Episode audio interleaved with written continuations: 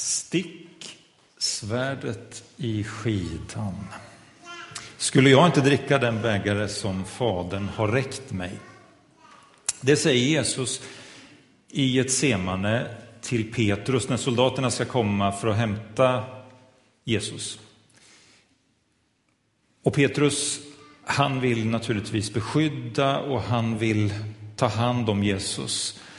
Och han drar ett svärd som han tydligen har för att, för att liksom skydda Jesus. Och så säger Jesus de här orden. Stick svärdet i skidan, skulle jag inte dricka den bägare som Fadern har räckt mig. Petrus tänker någonting. Petrus tänker att om, om det här händer så blir det inte bra. Det här att soldaterna ska hämta Jesus, det kan inte vara enligt Guds plan. Det var inte så det var uträknat. Det var inte,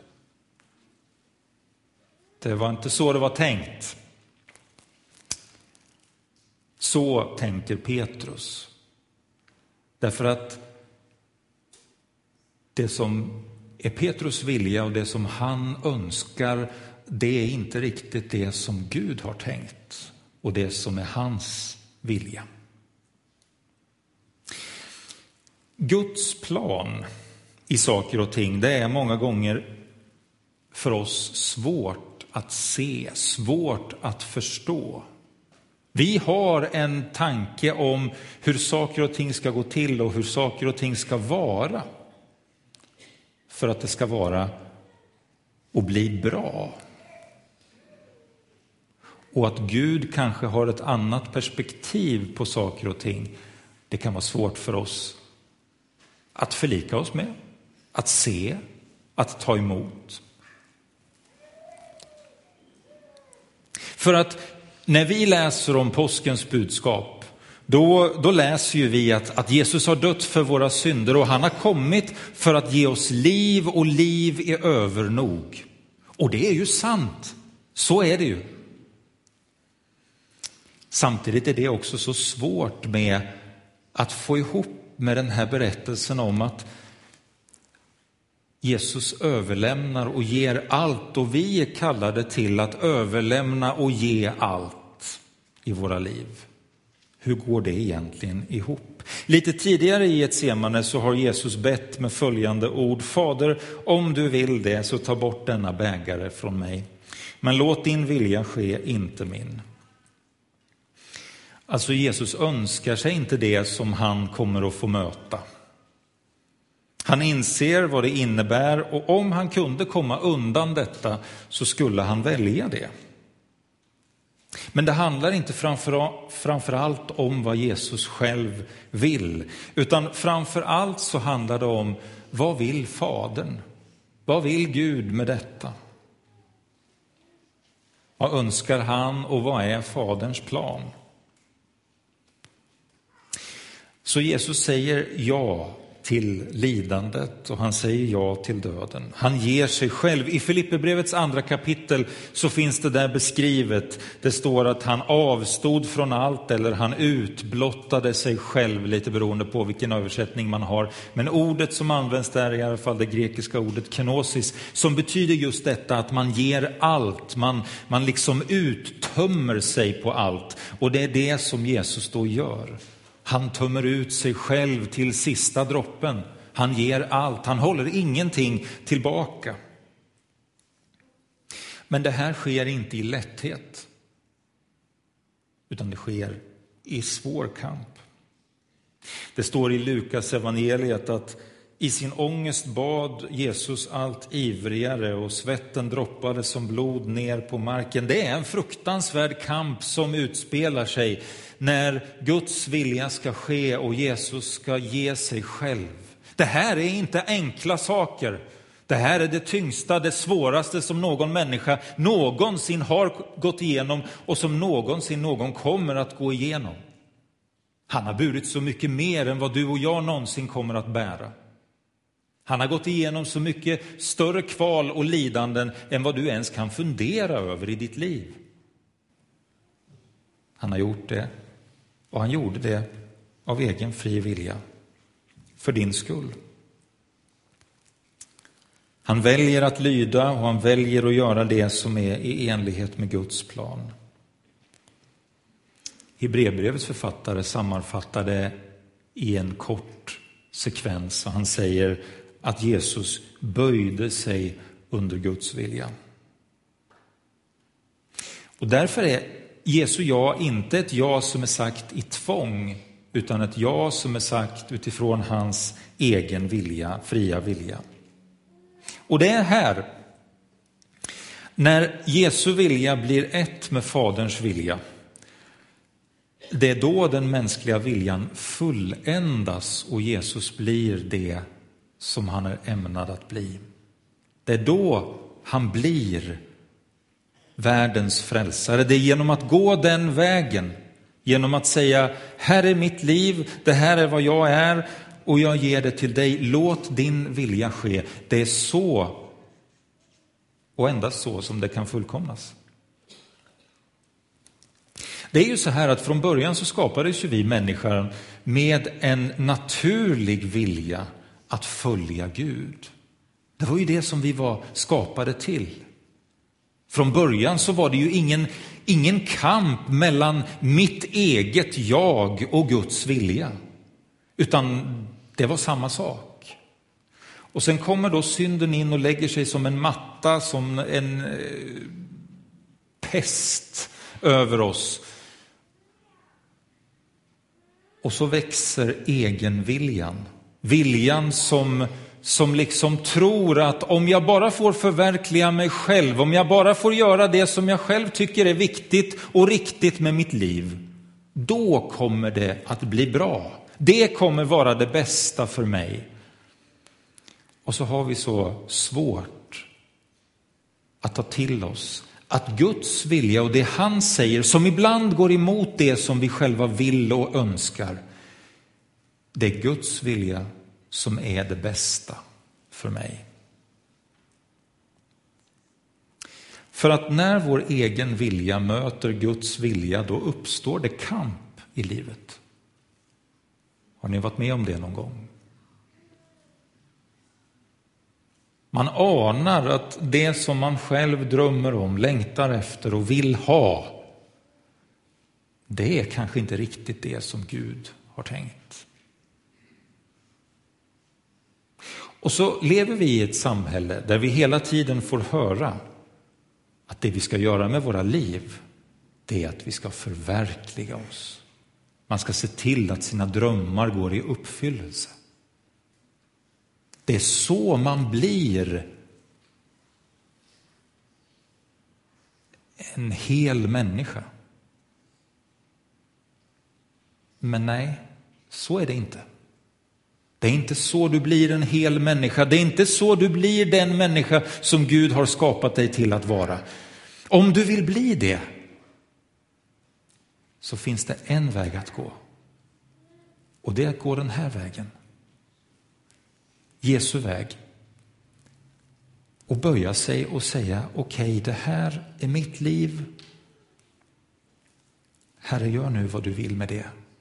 Ske din vilja inte ske din vilja, inte min. Guds vilja är inget hot mot dig. Utan Guds vilja är din möjlighet att bli det som du ska vara.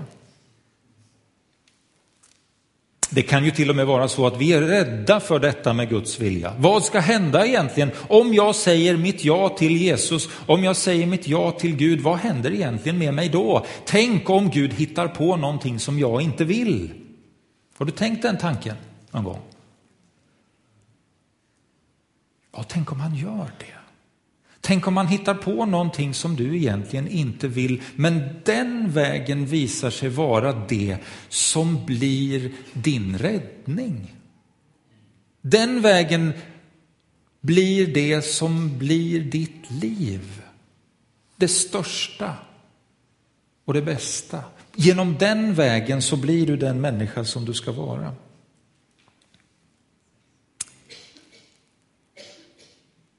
Jesus valde korset och hans offerdöd innebär att din synd är förlåten.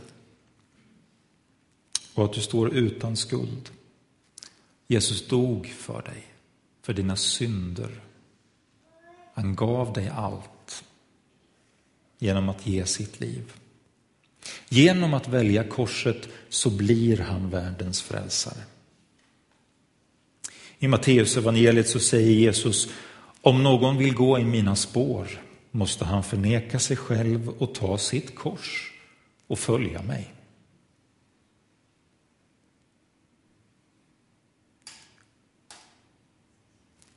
Här är det raka puckar.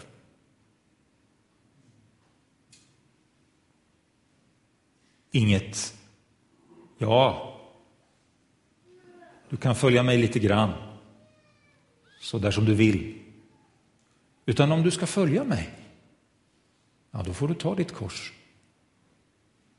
Och så är det. Var och en av oss har ett, sitt kors att bära. Liksom Jesus hade sitt kors så har du också ett kors att bära i livet. Ditt kors är inte likt någon annan människas kors. Du ska inte bära någon annans människas bekymmer eller lidanden eller saker. Men du ska bära ditt kors. Det är du kallad till.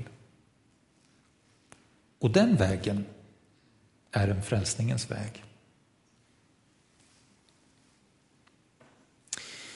Alltså varje varje kristen människa har ju någon, en punkt i livet där vi säger, har sagt ett ja till Jesus. Och från den stunden när vi sagt vårt ja till Jesus så är det ju på den här vägen som vi vandrar. Vi vill gå med honom.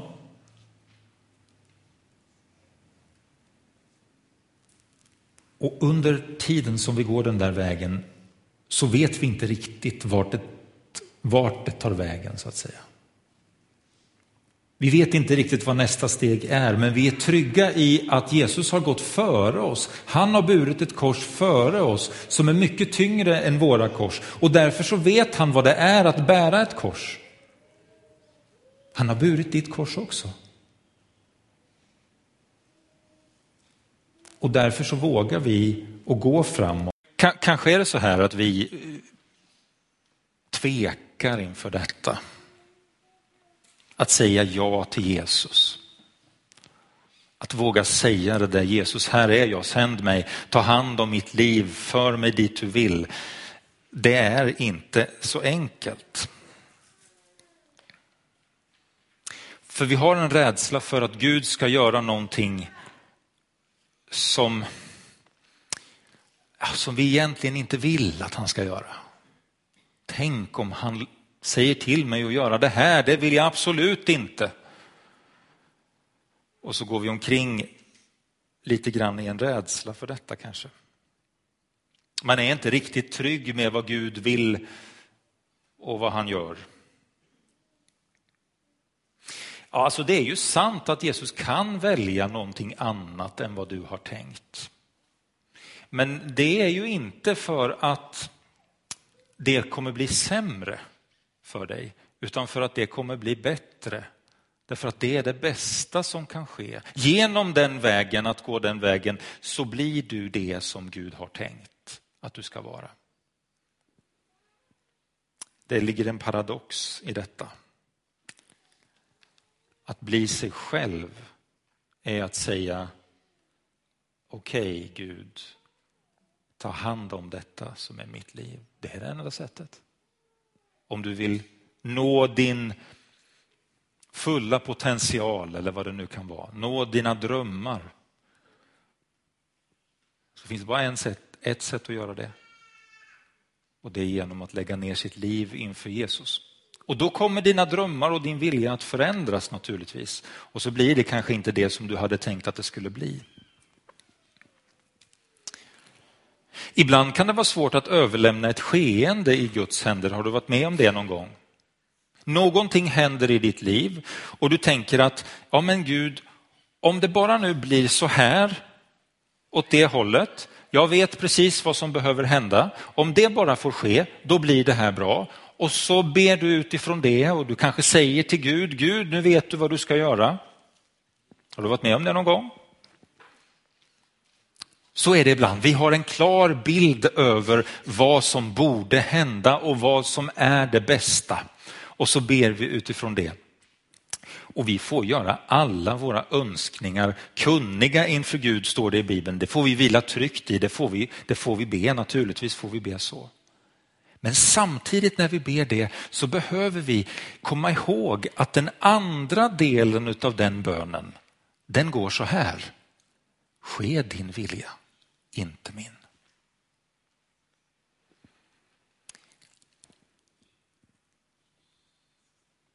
Men visst har vi varit där, där vi har ropat om ett ingripande, bett Gud att någonting ska hända. Att Gud ska göra det där som han borde göra.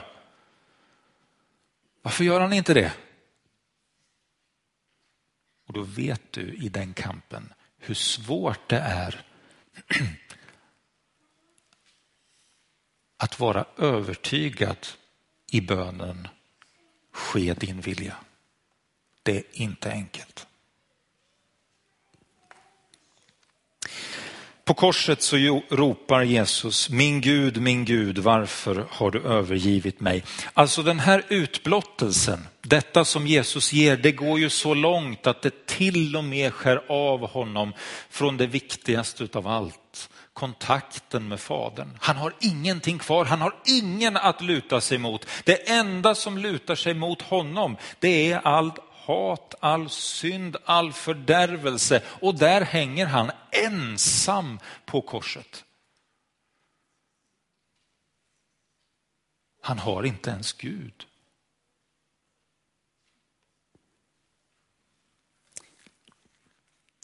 Och det gjorde han för dig och det gjorde han för mig. Det gjorde han för att vi skulle få liv.